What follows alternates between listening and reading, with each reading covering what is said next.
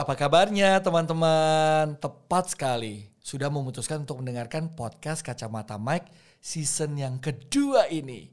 Kali ini gue ingin ngajak ngobrol sama sahabat gue, seorang HR sekaligus konten kreator. Siapa yang tidak kenal dengan Junar Asyuni. Nah, dia akan berbagi tips dan trik buat kita semua.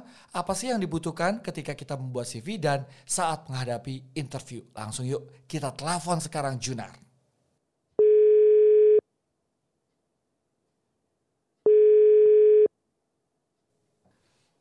Halo. Halo, halo. Junar? Iya. Oh, ini dengan Junar kan? Saya nggak salah kan? Saya nggak Bener, salah bener. telepon kan? Benar Oke. benar. Oh benar. Aduh kalau malu-malu begitu saya juga jadi nggak enak. Sibuk apa nih Junar? Sibuk gak? Lagi sibuk gak? Eh, sibuk sih ya pasti ada lah, tapi nggak sibuk banget. Oke. Paling sibuknya kerja, bikin konten gitu doang. Oke. Tapi sekarang bisa ngobrol dong ya. Berbagi buat teman-teman di podcast Kacamata Mike. Gak apa-apa kan? Nggak apa-apa, bisa. Gak apa-apa. Oke. Kita seperti biasa. Karena di podcast Kacamata Mike selalu diawali dengan rapid test. Sebuah tes yang menguji keaslian dari seorang Junar. Oke? Oke. apakah benar-benar sesuai yang digadang-gadang seorang konten kreator atau bukan gitu ya, seorang HR atau bukan. Oke, udah siap? Oke, siap. Pilih dengan cepat ya. CV atau interview? Momen yang paling Interview. menakutkan. Wah, jadi cepet banget ya. Bahkan saya belum, kamu seperti bisa membaca apa yang ada di otak saya gitu. Ah, kenapa menakutkan momen interview itu? Ya karena ketemu langsung, terus ngobrol langsung, Mm-mm. interaksi langsung kayak bahkan sama orang nggak dikenal gitu kan. Jadi ya Mm. kita merasa takut lah pasti. Kalau CV biasa aja ya. CV biasa aja. Oke, oke. Kalau rapid test yang standar saja sudah terlewati, artinya kita harus naikkan skalanya jadi yang paling akurat tingkat tinggi ya. Oke, ini langsung harus dijawab. Sudah tidak ada pilihannya lagi. Gue paling bahagia kalau konten gue. Hmm. Oh, dijawab. Oh, nggak ada. Ayo, ayo, ayo, ayo, langsung bingung. Ayo, Ah, gue paling bahagia kalau konten gue. Dipraktekin. Wih, mantap. Kalau gue bisa balik ke masa pas gue kuliah, gue bakal Jadi leader. Wah obsesi juga ya jadi pemimpin. Emang kalau kebayang kalau waktu ke masa kuliah jadi leader apa? Ya, cuma kepala divisi doang. Oke, jadi kepala divisi di ini kali ya, BEM ya, Badan Eksekutif Mahasiswa gitu ya? Enggak lah, organisasi biasa doang. Oh organisasi biasa, oke. Nah, oke, kita lanjutkan. Jadi tadi eh, pengen jadi leader di organisasi kemahasiswaan, oke. Hmm. Ini Junar siap-siap ya, pertanyaan berikutnya. Gue sakit hati kalau... Di ghosting. Hai, macam Kaisang kamu? Emang pernah di ghosting? Ya pasti pernah lah. Oh pernah. Nggak pernah. Aduh cerita dikit dong. Kapan dan di mana, Cek? Kepo banget kita. Tapi di ghosting kan banyak ya. Iya, Maksudnya iya. Di ghosting dalam apa dulu? Oh. Dalam relationship atau dalam kerja? Ya. Oh kamu eh, bukan relationship kayak Mas Kaisang ya, bukan ya? Nggak ikutin sih. Oh nggak ngikutin, oke. doang. Jadi kamu ghosting apa nih? Pekerjaan atau apa? Pekerjaan pernah, relationship juga pernah. Oke. Wah itu sampai sekarang nggak ada kabarnya. Nggak ada. Oke. Kamu sakit hati? Lumayan. Awal-awal sih. Sekarang sih enggak lah. Sekarang udah enggak lah ya, karena sibuk dengan konten sebagai konten kreator. iya. Oh, jangan-jangan itu yang mesti didengar teman-teman ya. Cara yang paling efektif menghadapi ghosting adalah membuat konten. Ya nggak sih? Menyibukkan diri lah. Menyibukkan diri, benar-benar benar. Nah, ini aku satu hal yang langsung pengen aku tanyakan. Mungkin sebagian sudah kenal sosok Junar, ada sebagian yang belum. Kira-kira Junar pernah nggak ya dalam hidup sebagai konten kreator, khususnya dari HR konten kreator dan juga bekerja sebagai seorang HR yang mengalami ghosting, gitu ya? Pernah nggak dalam hidup nggak mengalami yang namanya putus asa? Pernah, pasti pernah lah. Mm, Kan hidup nggak terus-terusan mulus. Pasti betul. ada belok, ada naik turun gitu kan. Mm-mm. Ya pasti pernah putus asa kayak cari kerja susah banget gitu kan. Mm-mm. Nggak ada penerimaan, nggak ada kabar juga gitu kan. Sampai Mm-mm. akhirnya ya pasti merasa down lah, nggak tahu mau ngapain lagi tapi tetap berusaha. Oke. Jadi yang kalau ditanya siapa yang paling berperan dalam melawan keputusasaan seorang Junar itu siapa? Si... Diri sendiri pasti. Oh diri sendiri. Saya kira ada orang ada Yayang gitu, enggak ya? Ya oh, ada, diri... tapi yang utama diri sendiri. Oh pasti. diri sendiri. Oh Yayang juga ikut mendukung ya? Ah bukan lah, bukan itu. Oke, yang pasti diri sendiri ya. Diri sendiri ini yang yang harus bisa melawan keputusasaan. Nah, aku pengen nanya sedikit nih. Ada nggak sih momen-momen dari dulu kecil sampai sekarang gitu ya sebagai seorang HR content creator mengalami hal-hal yang menyakitkan dalam kehidupan Junar? Oke, ada sih. Pasti hal-hal yang menyakitkan ya cukup banyak. Dulu jauh sebelum saya jadi content creator, sebelum jadi HR juga, kan pasti sekolah dulu, kuliah dulu gitu kan. Yeah. Selama sekolah dan selama kuliah itu ya saya sempat jadi korban bullying. hmm Hampir kurang lebih hampir 11 tahunan lebih mungkin. Itu karena kondisi fisik bisa dibilang sangat berbeda dari orang lain. Jadinya ya badannya pendek, kecil gitu kan. Nah, itu jadi korban bullying saya selama 11 tahunan gitu. Nah, itu yang jadi ya jadi momen terendah lah uh, dalam hidup saya juga. Jadi ya itu akhirnya mempengaruhi saya untuk ke masa depannya. Tapi untungnya sekarang udah bisa bangkit kembali gitu. Hmm.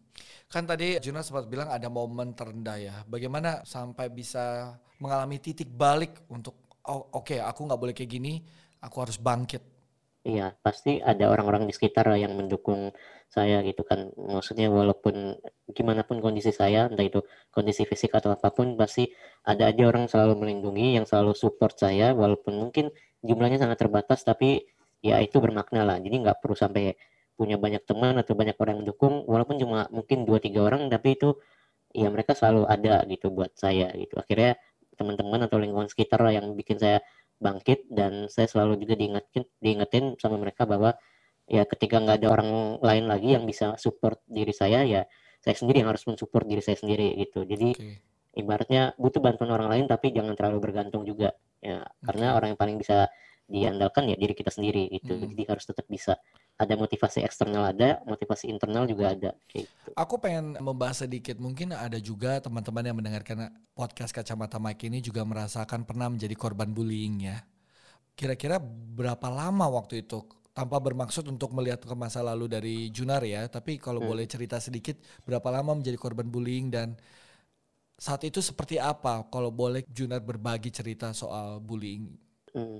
Kalau berapa lama ya sebenarnya ya kurang lebih 11 tahunan lah 11 tahun mungkin sampai 12 tahun gitu kan.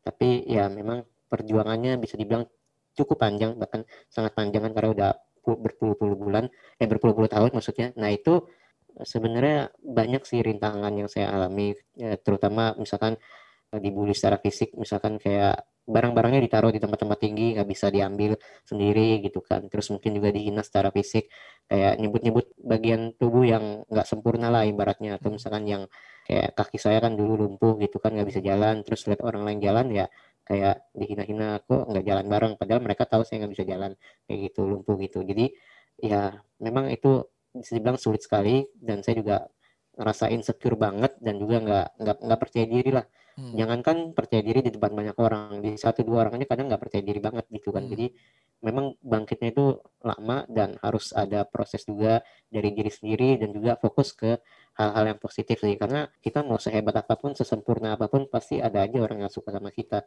Betul. Artinya mulai dipilah-pilah mana perkataan-perkataan orang yang negatif dibuang dan kita cuman coba menyaring dan menerima perkataan-perkataan positif aja dari orang-orang sekitar kita begitu ya. Iya betul. Nah pasti nggak mudah, aku paham. Thank you udah bersedia berkenan sharing soal masa-masa bullying. Mohon maaf sebelumnya.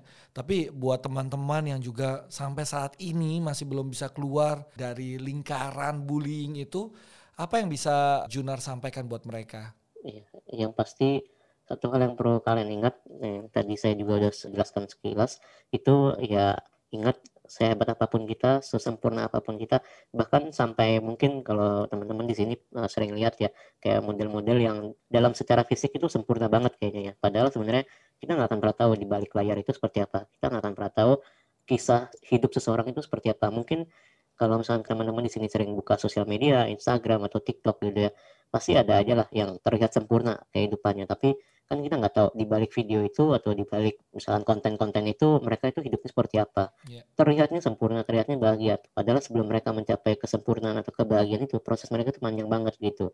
Kayak sekarang ya teman-teman saya juga juga terutama teman-teman yang mungkin tadinya ngebully saya di pada saat SMA atau pada saat kuliah gitu ya kan. Kuliah sih nggak terlalu paling SMA SMP gitu kan. Yang awalnya nggak suka sama saya sekarang semua datang ke saya gitu kan. Karena ya mereka butuh kita mereka butuh saya gitu kan. Karena akhirnya ketika kita dulu pada saat terpuruk kita nggak punya value dalam tanda kutip sekarang kita punya value mereka datang ke kita. Karena mereka cuma butuh kita doang. Pada saat kita butuh mereka mereka nggak nggak nggak ada buat kita gitu kan. Akhirnya ya ketika kita sudah punya value sudah bangkit dari bullying itu ya kita jadinya bisa lebih percaya diri lagi. Makanya pada saat dibully jangan fokus ke hal-hal yang negatif fokus dulu ke diri sendiri. Gue harus bisa bangkit gue harus bisa maju karena nggak mungkin kita kayak gini terus gitu loh. Pasti ada momen di mana kita harus maju entah kita dipaksakan oleh situasi atau kita memang punya tujuan gitu. Jadi tujuan kita tuh harus positif, jangan ke hal-hal yang negatif.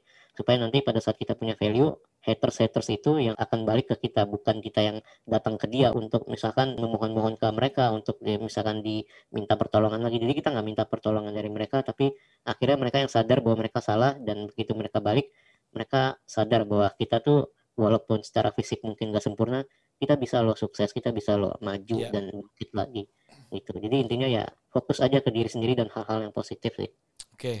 abaikan dengan semua perkataan mereka perkataan negatif dan fokus dengan berkarya ya sehingga dengan karya-karya kita kita bisa lebih menghasilkan hal-hal positif gitu yang berdampak positif oke okay. apakah ini juga menjadi salah satu yang membuat Junar itu mengambil kuliah jurusan psikologi itu dasarnya kah? Iya salah satunya. Oh ya, kenapa? Ada ada korelasinya. Menarik nih. Sebenarnya dibilang berkorelasi banget enggak ya, tapi hmm. maksudnya ya kan psikologi itu memahami manusia gitu kan. Hmm.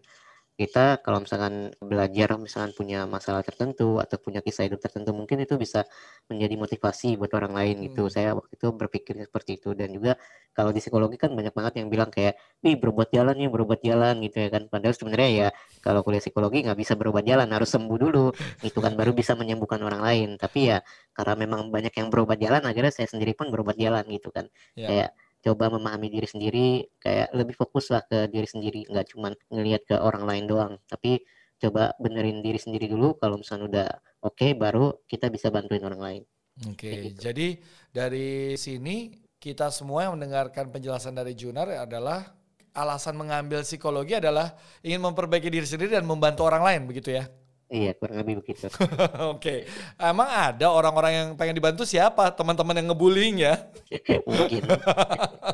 Okay. Apa yang paling menarik ketika mempelajari psikologis manusia? Yang pasti sebenarnya yang menarik banyak, tapi mungkin yang paling saya ingat adalah ketika kita berinteraksi dengan orang lain itu nggak cuman kayak kita diajarkan kayak berempati lah yang paling sering kan eh, empati gitu kan kayak orang itu suka bingung antara perbedaan empati sama simpati gitu kan. Hmm. Ternyata yang benar itu justru empati bukan simpati. Simpati itu bisa dibilang berlebihan lah. Kayak dalam tanda kutip kalau orang zaman sekarang kan bilangnya lebay gitu kan. Iya ya. memang ya, simpati itu memang lebay sebenarnya. Karena simpati itu kalau misalnya dikasih contoh kehidupan sehari-hari gitu ya yang paling gampang dicerna itu kalau simpati misalnya kita nonton anggaplah drama Korea gitu kan hmm. yang nangis-nangis gitu kan. Nah ketika aktor di drama Korea itu nangis kita ikutan nangis. Itu simpati banget tuh itu hmm. simpati banget. Jadi benar-benar kayak tenggelam lah tenggelam dalam perasaan seseorang. Padahal kita nggak mengalaminya gitu. Tapi kalau empati kan kayak empati itu merasakan apa yang dirasakan orang lain bukan menjadi seperti orang lain gitu kan. Akhirnya saya belajar dari situ ketika saya punya keterbatasan fisik dibully selama kurang lebih 12 tahun ketika ada orang yang punya pengalaman yang sama seperti saya saya itu bisa berempati. Kenapa? Karena saya sudah pernah mengalaminya gitu. Hmm. Jadi nggak cuma sekedar berpura-pura untuk mengalami, tapi saya sudah mengalami dan sudah melewati itu gitu. Kalau saya aja bisa, kalian pasti bisa gitu. Jadi nggak ada kata nggak mungkin. Oke. Okay. Tapi kan nggak banyak yang bisa keluar dari masa-masa bullying itu ya hmm. uh, Junar ya kan masih ada orang dan buat sebagian mereka nggak bisa keluar itu berdampak banget sama kesehatan mental mereka ke depannya. Nah mungkin Junar bisa berbagi nggak seberapa penting sih kita tahu atau aware dan menjaga kesehatan mental kita? Kalau untuk kesehatan mental itu penting banget ya, karena kesehatan mental dan kesehatan fisik itu hampir sama pentingnya, bahkan Hmm. sangat mempengaruhi satu sama lain. Apalagi Ketika di era pandemi begini ya. Iya Kan betul harus banget. jaga pandemi kewarasan. Iya. Jadi ya banyak lah. Kayak misalkan kita pandemi gini mungkin kerja di rumah atau Hmm. misalkan kuliah di rumah gitu kan. Stres internetnya lelet segala macam putus-putus gitu ya kan. Itu kan udah biasa banget tuh. Jadi ya akhirnya ya kita mungkin ngerasa stres. Mungkin lama-lama kalau dibiarin ya ya amit-amit depresi gitu ya. Nah, memang kalau misalnya udah dalam titik yang lebih rendah daripada stres gitu ya, misalnya depresi atau frustrasi, itu kita harus sadar sih bahwa kita tuh sebenarnya butuh pertolongan, ya kan? Tapi kenyataannya, terutama di Indonesia gitu ya, Ya. orang-orang kalau misalkan tidak sehat secara mental atau butuh butuh bantuan psikolog atau konselor gitu ya, yang ada di pikiran mereka adalah, aduh ntar gue dikira gila, aduh ntar gue dikira nggak sehat secara mental atau amit-amit misalkan ada yang ngatain psikopat gitu ya kan. Itu kan berarti judgementnya kuat banget gitu loh. Artinya kenapa orang nggak nggak pernah mau merasa berani untuk minta pertolongan nggak pernah merasa kayak coba dulu lah gitu. Kayak coba minta pertolongan dulu siapa tahu memang gue butuh pertolongan. Tapi orang tuh nggak mau. Karena apa? Karena judgement. Takut dijudge selalu mendengarkan apa kata orang. Padahal sebenarnya apa yang terjadi di hidup kita itu bukan urusannya orang lain gitu loh. Itu urusannya kita. Kita sakit ya itu tugas dan tanggung jawab kita untuk berobat gitu loh. Jadi kalau orang bilang ngapain berobat? Ya gue butuh berobat apa urusannya sama lu gitu kan. Hmm. ya bilang aja kayak gitu gitu loh. Kalau memang orang itu udah keterlaluan sudah saatnya kita bersikap tegas. Kalau enggak kita selamanya akan ya kena judgement terus yang negatif. Oke, gitu. Menarik. Nah, sampai akhirnya tadi ya kita lanjutkan tadi pentingnya kita menjaga kesehatan mental kita supaya kita be- benar-benar bisa tahu bahwa kita bisa berkarya dan menghasilkan hal-hal yang positif. Nah, sekarang kan kalau kita lihat perjalanan hidup dari seorang Junar yang masih muda ini tapi sudah mengalami jatuh bangun dan akhirnya ya bersyukur sudah bisa menemukan titik baliknya dan sekarang sibuk di dunia HR gitu ya. Apa yang paling menarik dengan dunia HR sebenarnya? Yang paling menarik sih buat saya interview sih Ya, Iya ya, di situ bisa tahu asli atau palsunya uh, orang calon karyawan tersebut ya. Iya, bener banget. Apalagi zaman sekarang orang makin susah cari kerja, kayak segala hal yang yang benar dan salah pun dilakukan demi diterima kerja gitu kan. Oh ya? Bohongnya banyak banget. Iya. Contohnya? Contohnya, bilangnya eh, bisa bahasa Inggris ya kan. Kan kalau di startup kan rata-rata harus bisa bahasa Inggris kan. Ya. Nah, ngomongnya sih bisa bahasa Inggris gitu kan. Dikasih tes full bahasa Inggris nggak ngerti apa-apa. Jawabannya nggak nyambung. Akhirnya ya udah, ya, kalau udah kayak gitu udah skip Wow. aja lah, capek gitu kan. Wow, berarti Iya, kamu bohongnya banyak banget. bohongnya banyak banget. Berarti kamu tuh jeli banget ya. Orang duduk, kamu lihat langsung bisa tahu ini bohong atau enggak gitu. Ada intuisinya nggak sih? kan sebenarnya kita kayak apply kerja gitu kan screening CV dulu terus Iya. kan dibaca dulu tuh CV-nya di CV-nya Iya. sih ada tulisan skill Inggris gitu ya kan berarti kan Iya. bisa bahasa Inggris kan terus interview kalau ada interview mungkin kadang interview dulu baru tes kadang tes dulu baru interview gitu kan. Ya. kalau waktu itu ada pernah uh, interview dulu karena mungkin ada kesalahan teknis juga. Interview dulu terus habis itu dikasih tes ya kan. Mm-mm. pas di interview tuh ditanya gitu kan bisa bahasa Inggris nggak? Bisa dia bilang. Dan di CV-nya juga tulis bisa bahasa Inggris gitu kan. Udah selesai interview setelah selesai interview langsung saya kasih tes tesnya full bahasa Inggris. Jawabannya nggak nyambung. Langsung nggak diterima tuh. nggak diterima lah. Gimana orang terus bahasa Inggris Hebat ya. Wah ini kalau HR-nya kayak Junar nih berarti sedikit yang terpilih jadi karyawan ya.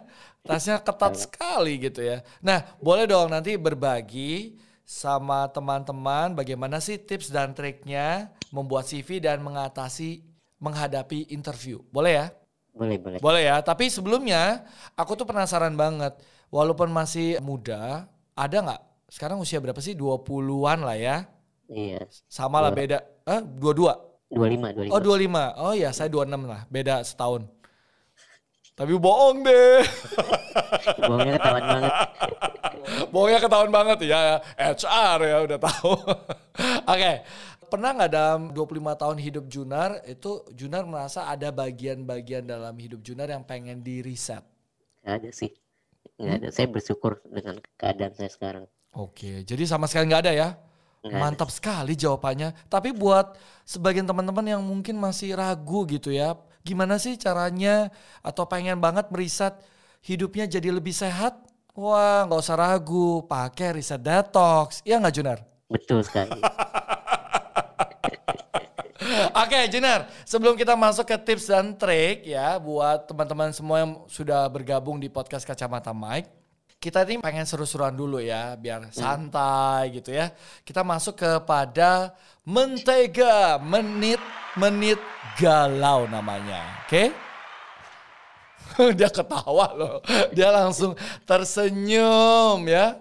Uh, walaupun tidak terdengar tapi bisa dirasakan gitu. gitu. Oke deh. Mentega, menit-menit galau. Oke, ini tebak-tebakan tugas Junar adalah menebak ya tentunya ya. Hmm. Oke. Superhero. Superhero apa yang susah banget dapat kerjaan? Hmm. Ayo loh. HR nih uh, ini banget ya pasti ya. Uh, analytical uh, dan critical thinkingnya pasti tinggi banget. Ayo, superhero, superhero apa yang susah banget dapat kerjaan?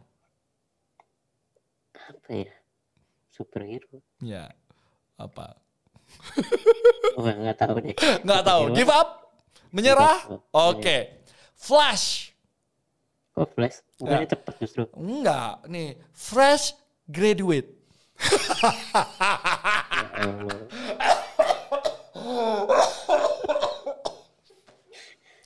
Iya, uh, maafkan ya. Biar kita lebih maksimal lagi, gimana kalau menjawab satu pertanyaan lagi? Boleh ya, Junar ya? Iya. Oke, okay. kata Junar, aduh kapok deh. Oke, okay. Junar, kamu kan pasti sudah tahu ya kucing kan, udah tahu lah, hmm. pernah lihat kan? Hmm. Wah. Kenapa kucing kakinya empat? Ya kalau nggak sampai empat nggak bisa jalan dong. Ntar pincang-pincang. Hah? Ya enggak lah. Salah itu. Nyerah ya? iya, di. Biar seneng aja, Mike. Kenapa kucing kakinya empat? Ya karena sudah diciptakan seperti itu. kesel gak sih? Kamu kesel gak? Jujur aja gak apa-apa, keluarin aja. Enggak lah. Enggak, enggak, enggak. Biasa disakiti. Makanya ini namanya menit-menit galau. Karena galau antara mau kesel, marah, dan emosi ya. Beda-beda tipis. Oke, cukup seru-seruan kita. Nah lanjut lagi ya. Kita tadi Junar udah janji mau kasih tips dan trik ya. Mungkin hmm. yang pertama buat teman-teman yang dengerin podcast Kacamata Mike, gimana nih membuat sebuah CV, tips dan triknya dari seorang Junar? Oke, yang pertama untuk bikin bikin CV yang menarik di mata HRD gitu ya. Mm-hmm. Yang pertama kalian harus perhatikan desain. Nah desain itu banyak banget teman-teman yang kalau ngedesain CV maunya yang cantik-cantik, yang terlihat menarik, yang hmm. memanjakan mata gitu ya kan. Hmm. Ya oke, okay, nggak nggak dibilang salah 100%, ya nggak juga. Tapi sekarang ini zaman teknologi udah banyak perusahaan-perusahaan yang bikin kayak kalau terima lamaran kerja itu masuk ke sistem dulu namanya sistem ATS kalau teman-teman familiar ATS itu adalah applicant tracking system yang biasa dipakai di website seperti Jobstreet, Glean, Caliber dan lain-lain itu semua pasti pakai sistem ATS. Nah sistem itu adalah robot ya kan mesin hmm. bukan manusia. Jadi pertama kali kita kirim lamaran kerja, kirim CV itu yang masuk adalah ke sistem dulu, sistem dulu yang yang nge-scan dulu, yang nge-screening belum sampai ke tangan HRD. Jadi pertama kali harus lolos screeningnya si ATS dulu, screening sistem dulu. Kalau nggak lolos screening sistem berarti nggak nyampe ke tangan HRD. Jadi pertama lolos dulu screeningnya, screening dari sistemnya itu baru nyampe ke tangan HRD. Nah kalau misalkan mau lolos dari screeningnya si ATS itu, si sistem itu, kalau bisa dibuat sepolos mungkin. Kalau perlu hitam putih aja gitu ya. Jangan pakai warna-warna yang bikin sakit mata gitu ya, mata kesleo sampai terlalu terang atau terlalu gelap itu jangan sampai ya. Kasihan HRD tiap hari kerjanya udah lihat laptop, liatin CV yang cerah-cerah gitu ya kan. Kayak mending kalau masa depannya cerah, kalau enggak ya cerah-cerah gitu.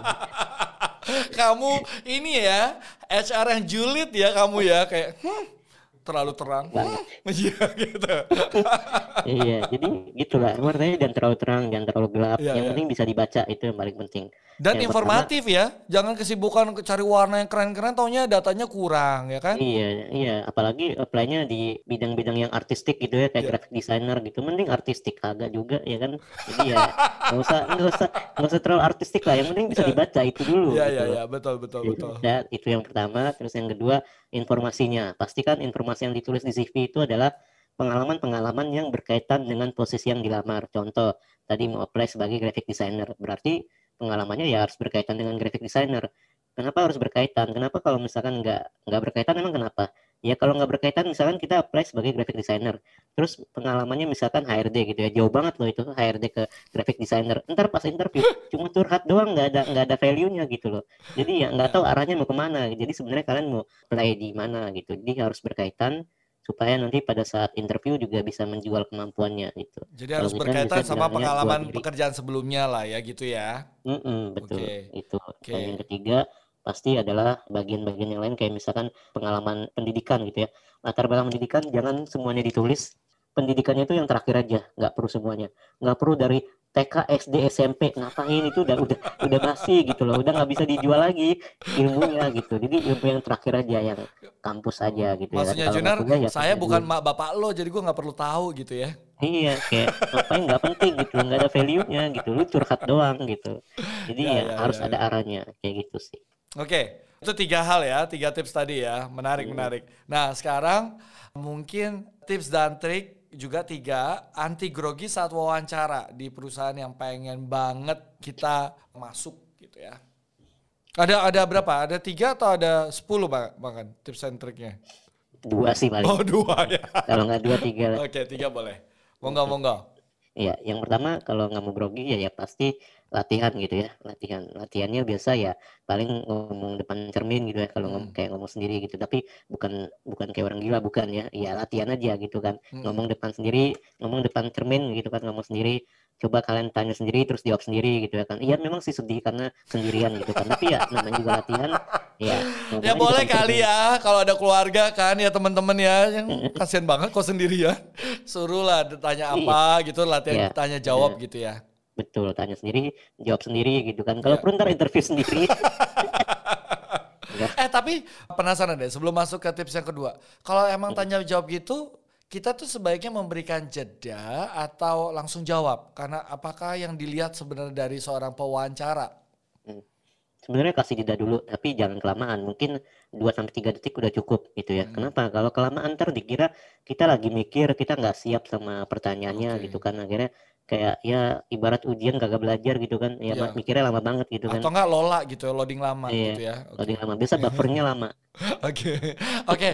coba misalnya Junar nanya gitu nanyanya kayak pewawancara nanya coba oke okay. apa kelebihan dan kekurangan kamu itu ya misalkan oke okay. terus kita ya, lama terus, gitu berarti nggak tahu ya Berarti nggak uh, tahu ya. Kekuatan kalau diri sendiri uh, gitu ya. Betul. Uh, kalau nggak ya ulangi pertanyaannya si HRD kayak misalkan tadi apa kelebihan dan kekurangan kamu, terus kita jawabnya kelebihan saya adalah nah kayak gitu. Jadi Baru gak, sambil mikir ya, kelebihan iya, saya betul, adalah. sambil mikir. Uh, uh. Tapi jangan mikirin yang lain ya, fokus saja gitu. Ya oke. Okay. eh Junar, penasaran deh, kenapa sih kalau setiap HR selalu nanya apa sih kelebihan dan kelemahan kamu? Kenapa sih kita harus menunjukkan kelemahan kita dan jawaban seperti apa yang harus kita sampaikan? Karena itu seperti menelanjangi diri sendiri, bukan?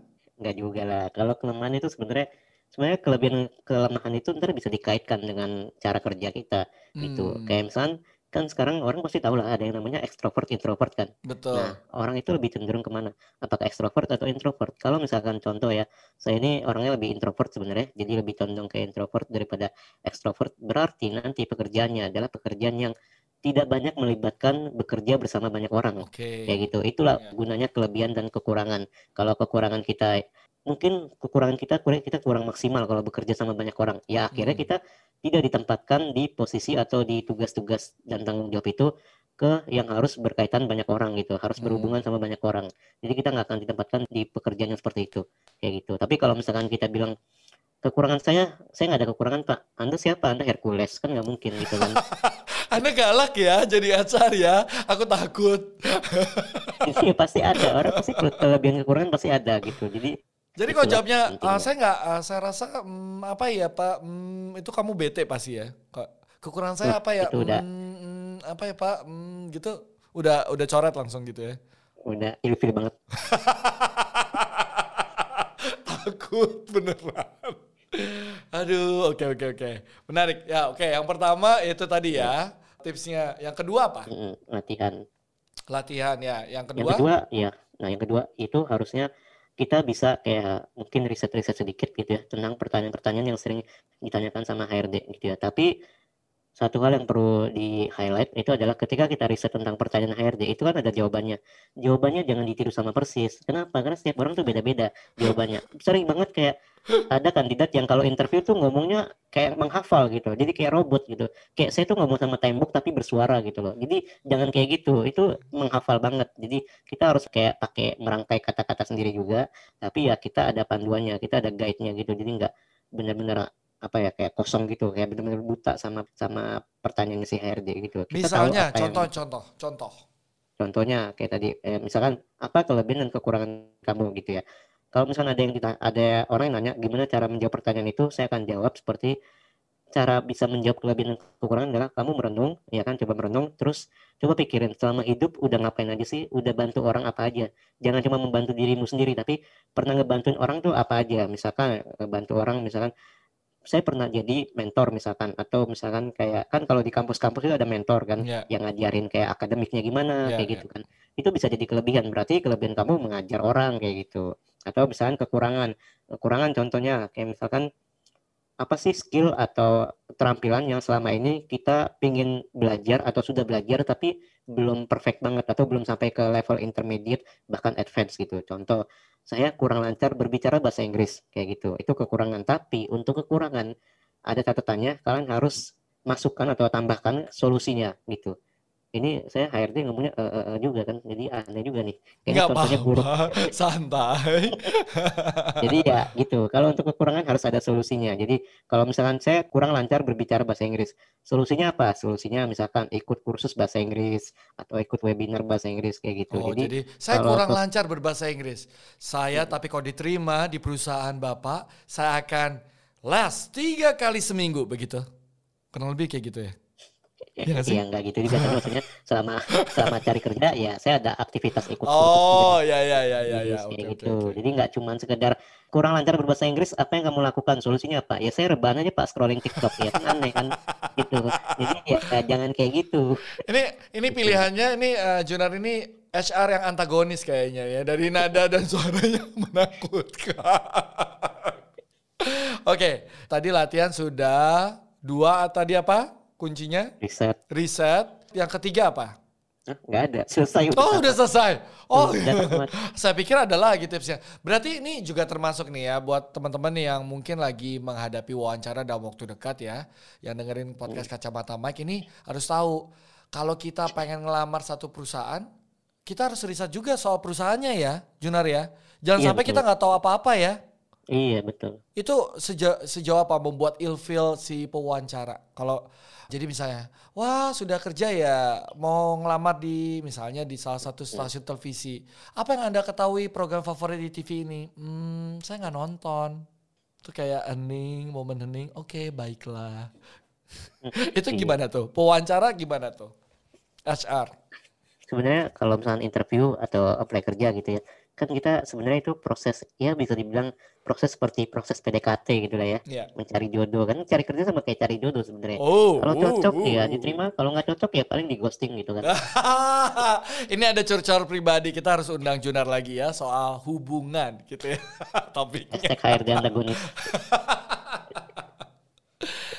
Jadi ya gitu. Jadi kita harus riset tentang perusahaan kenapa? Karena ketika kita interview itu artinya perusahaan lagi PDKT gitu ya, ya sama ya. kandidatnya mengenal lebih detail tentang kandidatnya, kandidatnya mengenal lebih dekat tentang perusahaannya. Kalau si kandidatnya aja nggak tahu tentang perusahaannya, misalnya perusahaannya bergerak di bidang apa atau pekerjaannya apa, jasa atau produk yang dijual itu apa kayak gitu ya. Kalau kandidatnya nggak tahu, ya terus ngapain aja selama selama apply kerja gitu kan? Masa nggak cari tahu sama sekali kan ya. keterlaluan. Jadi tetap harus cari tahu karena suatu saat ntar kalau kita udah kerja pasti orang-orang tuh pada nanyain kamu kerja di mana oh iya di PT XYZ misalkan oh PT apa itu nggak tahu terus orang bakal bakal respon apa gitu loh lu lu kerja tapi lu nggak tahu itu perusahaan apa gimana itu jadi ya harus riset lah Oke, okay, harus riset ya. Oke. Okay. Nah, kira-kira value-value apa sih yang dicari dari seorang HR, tim HR kepada kandidat? Kalau itu sebenarnya kandidatnya tergantung ya. Kan kandidat juga banyak timnya ada yang si fresh grade ada yang udah berpengalaman banyak gitu kan. Ada yang mungkin udah pernah kerja terus tiba-tiba resign gitu kan. Karena mungkin bisnis sendiri terus tiba-tiba bisnisnya bangkrut karena pandemi mau balik lagi kerja gitu kan. Ada kan tiga tipe kayak gitulah. Tapi kalau misalnya saya mulai dari yang pertama misalnya fresh graduate gitu ya. Kalau fresh graduate karena belum ada pengalaman kerja atau belum banyak ya pasti kita fokusnya ke pengalaman selama dia kuliah. Misalkan pengalaman organisasi atau pengalaman magang part time volunteer dan lain-lain gitu ya itu mereka harus bisa menunjukkan bahwa mereka bisa untuk bekerja di perusahaan itu dengan pengalaman yang mereka punya selama kuliah kayak gitu itu kalau untuk fresh graduate. Kalau untuk yang udah berpengalaman, biasanya ini bisa dibilang ya kepalanya agak gede gitu lah ya. Dalam arti agak-agak agak arogan gitu kan. Biasanya HRD itu kadang suka ilfil gitu loh. Kayak saya punya pengalaman ini pak, pengalaman ini. Begitu ditanya kerjanya ngapain aja, bingung kan dia, nggak, nggak bisa ah. jelasin. Karena selama ini kerjanya mungkin cuma ya fotokopi gitu kan, nggak tahu sih apa. Asli loh dia mulutnya lumayan julid. Ampun, ampun. Oke, oke. Okay. Iya, jadi ya itu harus jelas. Kalau punya banyak pengalaman, ya jelasin dong kerjanya ngapain aja gitu. Jangan cuma mengaku-ngaku pernah kerja di PT ini, PT itu, tapi nggak tahu kerjanya apa. Ya kan ntar, apalagi sekarang banyak HRD yang suka kayak cari referensi referensi dari perusahaan sebelumnya terus ditelepon tuh dihubungin di ke perusahaan sebelumnya. Ini anak kerjanya selama selama di perusahaan sebelumnya ngapain aja gitu kan. Kalau cuma fotokopi dan beliin kopi ya percuma gitu kan. Jadi ya harus harus ada pengalaman kerja yang pekerjaannya tuh ada value-nya gitu. Loh ya, yang ya. bisa membantu perusahaan jangan cuma membantu diri sendiri ataupun gaya-gayaan doang gitu kan. Ya. sejauh apa sih prestasi itu yang kita cantumkan apa yang sudah kita kisah sukses yang sudah kita kerjakan di perusahaan sebelumnya membantu untuk kita diterima di perusahaan berikutnya. Hmm, benar itu membantu itu sangat membantu atau? Sangat membantu pasti. Kalau misalnya kita kerja makanya kerja itu nggak cuma sekedar kerja tapi ada achievement yang bisa kita capai gitu. Misalkan yang tadinya si perusahaannya belum melek teknologi belum melek misalnya belum melek sosial media nih. Sekarang kan ada TikTok gitu kan tapi banyak CEO CEO atau perusahaan-perusahaan yang nggak melek ke arah TikTok gitu. Karena TikTok ya isinya cuma ya joget-joget gitu ya kan cewek-cewek joget-joget gitu kan. Bisa kaum Adam tuh demen banget gitu kan. Jadi ya akhirnya ya akhirnya banyak yang perusahaan yang nggak melek ke situ karena merasa bahwa TikTok itu alay gitu kan. Yeah. Padahal sebenarnya yang yang make yang alay gitu kan. Jadi kita harus harus bisa membantu itu. Yang tadinya perusahaan nggak melek ke TikTok, kita bantu melek ke TikTok gitu sampai yeah. mungkin followernya banyak kayak gitu kan yeah. sampai di undang ke acara sana sini itu jadi achievement buat kita. Itu bisa jadi nilai tambah gitu daripada cuma sekedar fotokopi dan blend kopi. Ya ampun. Dia ada ada pengalaman tersendiri nih ya. Ada orang kayaknya jabatan tinggi tapi cuma kerjanya santai-santai aja ya Junar ya. Oke terakhir. Berarti kan pengen tahu juga dari sisi tadi kita udah belajar banyak dari sisi HR tapi pengen uh, juga kembali lagi ke pribadi Junar. Kira-kira value hidup apa nih dari seorang Junar yang pengen dibagikan kepada banyak orang khususnya teman-teman yang masih muda ini? Hmm, value banyak sih sebenarnya. Tapi ya paling ingat aja kalau misalnya kalian udah bertekad mau memulai sesuatu ya lanjutkan itu jangan jangan selesai di tengah-tengah cuma karena kita mendengarkan apa kata orang gitu. Bahkan orang-orang stranger yang nggak ada pentingnya dengan hidup kita dengerin mereka ya ntar percuma nggak akan membantu hidup kita apa pun gitu loh. Mereka juga nggak ngebiayain kita nggak bayarin listrik kosan nggak nggak bayarin bensin kita kan nggak bayarin gitu. Jadi ngapain dengerin mereka gitu kan? Mereka tuh nggak bayarin kehidupan kita ya kan? Gue food gue aja nggak dibayar sama orang stranger kan? Ngapain? Gitu kan ini ya luar biasa baru kali ini loh ya tamu-tamu saya di podcast kacamata Mike ini apa adanya gitu, belak-belakan banget gitu ya, nggak apa-apa. Terima kasih ya Junar sudah yeah, ngobrol santai, berbagi tips dan trik juga. Aku yakin dan percaya ini bermanfaat banget buat teman-teman yang dengerin podcast Kacamata Mike. Thank you ya. Thank you. Bye. Bye.